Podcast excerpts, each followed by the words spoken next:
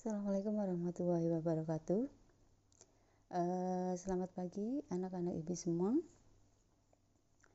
Pada hari ini materinya atau mapelnya yaitu OTK kepegawaian yaitu uh, tentang memahami administrasi kepegawaian. Oh ya, gimana kabar kalian pagi ini? Semoga kalian dalam keadaan sehat dan selalu dalam lindungan Allah Subhanahu wa taala. Sebetulnya kalau kemarin kalian sudah Ibu minta merangkum selama kurang lebih dua minggu Ibu kasih tugas kalian di LMS kalian e, merangkum memahami materi tentang memahami administrasi kepegawaian. Di sini Ibu hanya sekilas saja karena kalian sudah mencatat materinya, Ibu langsung masuk pada ruang lingkup administrasi kepegawaian. Jadi administrasi pengertiannya secara sempit itu e, suatu proses kegiatan yang dilaksanakan pekerja.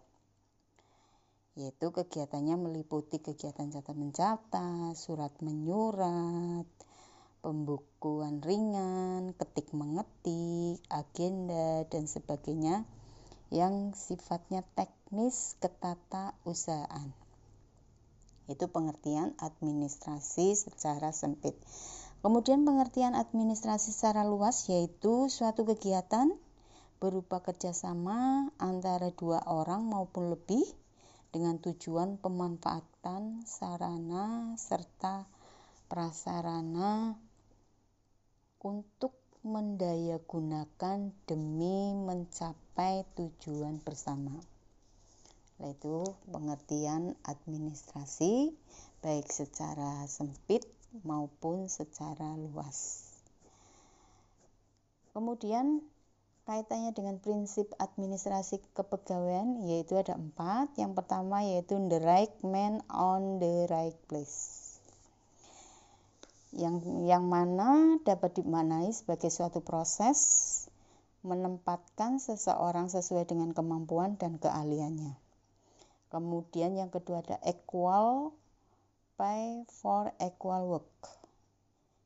Di mana artinya yaitu sebagai suatu usaha untuk memberikan balas jasa kepada seseorang sesuai dengan prestasi kerja yang dihasilkan oleh seorang pegawai tersebut.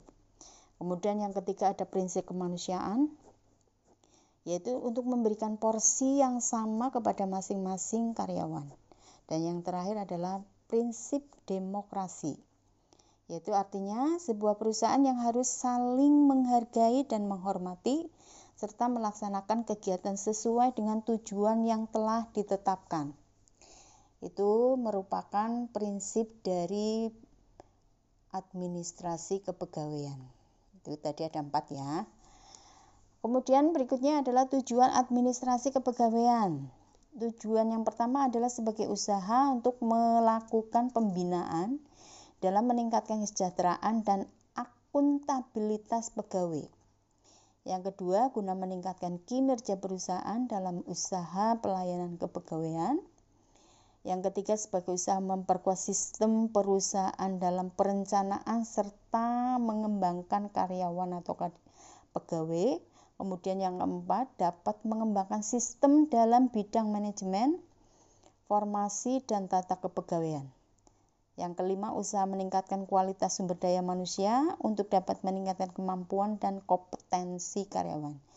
Dan yang terakhir, yang keenam yaitu menata dan mewujudkan sistem kepegawaian sesuai dengan kemampuan dan keahlian kompetensi lainnya.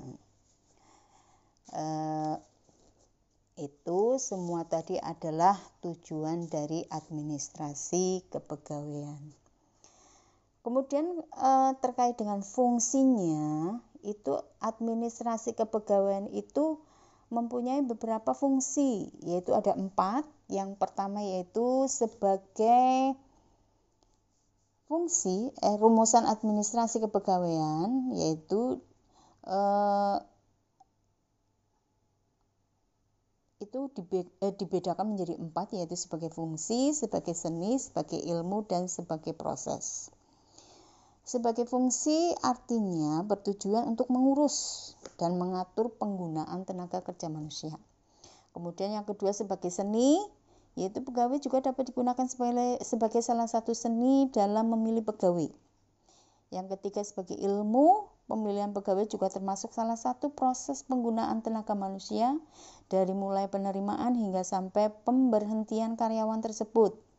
Dan yang keempat adalah sebagai proses di mana administrasi kepegawaian merupakan salah, salah satu proses penyelenggaraan politik kepegawaian atau yang dikenal dengan istilah kebijakan politik kepegawaian. Uh, berikutnya adalah ruang lingkup administrasi itu ada organisasi, ada ada kepemimpinan, kemudian ada hubungan antar manusia dan yang keempat ada manajemen. Oke, kita lanjut. Kemudian berikutnya adalah sistem dan fungsi administrasi kepegawaian. Sistem administrasi kepegawaian dalam hal ini terkait dengan pengangkatan pegawai itu menggunakan beberapa sistem. Yang pertama yaitu karir sistem, di mana pengangkatan pegawai itu berdasarkan atas kecakapan pegawai dalam sistem pengangkatannya. Kemudian yang kedua ada patronage system, yaitu sistem pengangkatan pegawai atas dasar keinginan dalam membantu kelancaran pekerjaan pegawai lainnya. Yang ketiga ada merit system, yaitu pengangkatan pegawai dengan didasarkan kepada keahlian serta kecakapan seorang pegawai. Yang ke keempat ada police system, yaitu pengangkatan pegawai atas dasar dari keanggotaan seseorang tersebut dalam suatu partai. Dan yang kelima yaitu yang terakhir ada nepotism system yaitu suatu sistem dengan mengangkat pegawai atas dasar kekerabatan. Entah itu berdasarkan keluarga, saudara, maupun teman dekat. Lah dalam sistem nepotisme sendiri itu yang dikenal oleh masyarakat itu ada tiga, yaitu ada Unified System. Sistem ini yaitu sistem yang membentuk secara lembaga tingkat nasional demi manajemen kepegawaian. Yang kedua ada integrated system. Sistem ini merupakan suatu jenis kepegawaian dengan membentuk manajemen kepegawaian. Dan yang terakhir ada spirited system, yaitu suatu sistem dengan manajemen kepegawaian yang dilakukan oleh daerah masing-masing. Ya, yaitu dari mulai penggajian kemudian sampai pensiun. Uh, saya kira sampai di sini saja penjelasan Ibu dan kalian kan sudah merangkumnya. Dan uh, sebetulnya untuk kali ini yaitu ulangan harian pertama. Uh, kalian sudah bisa menyiapkan. Nanti kalau kalian sudah merangkum kemudian nanti kalian bisa menjawab. Nanti kalian bisa mengirim jawabannya lewat link nanti linknya ibu akan ketik nanti kamu bisa mengirim lewat link ibu oke okay? untuk selanjutnya yaitu untuk evaluasi ibu akan memberikan beberapa soal tidak usah banyak-banyak lah uh, ibu kira cuma empat saja cukup oke okay? Yang pertama coba kalian uh, yang pertama nomor satu sebutkan tujuan administrasi kepegawaian itu yang pertama. Kemudian yang kedua jelaskan pengertian administrasi kepegawaian secara umum. Dan yang ketiga, apakah yang dimaksud dengan equal pay for equal work? Dan yang terakhir adalah terangkan yang dimaksud fungsi teknis administrasi kepegawaian. Oke, saya kira Ibu cukup untuk pertemuan kali ini. Uh, jangan lupa kalian tetap prokes ketika kalian keluar itu jangan lupa pakai masker masker kemudian kalau kalian sudah kembali lagi ke rumah cuci tangan jangan lupa bersihkan semua badan tetap jaga kesehatan karena corona itu masih ada di sekitar kita ya semoga kalian semua dalam lindungan Allah Subhanahu wa taala diberikan kesehatan Ibu Airi, wassalamualaikum warahmatullahi wabarakatuh.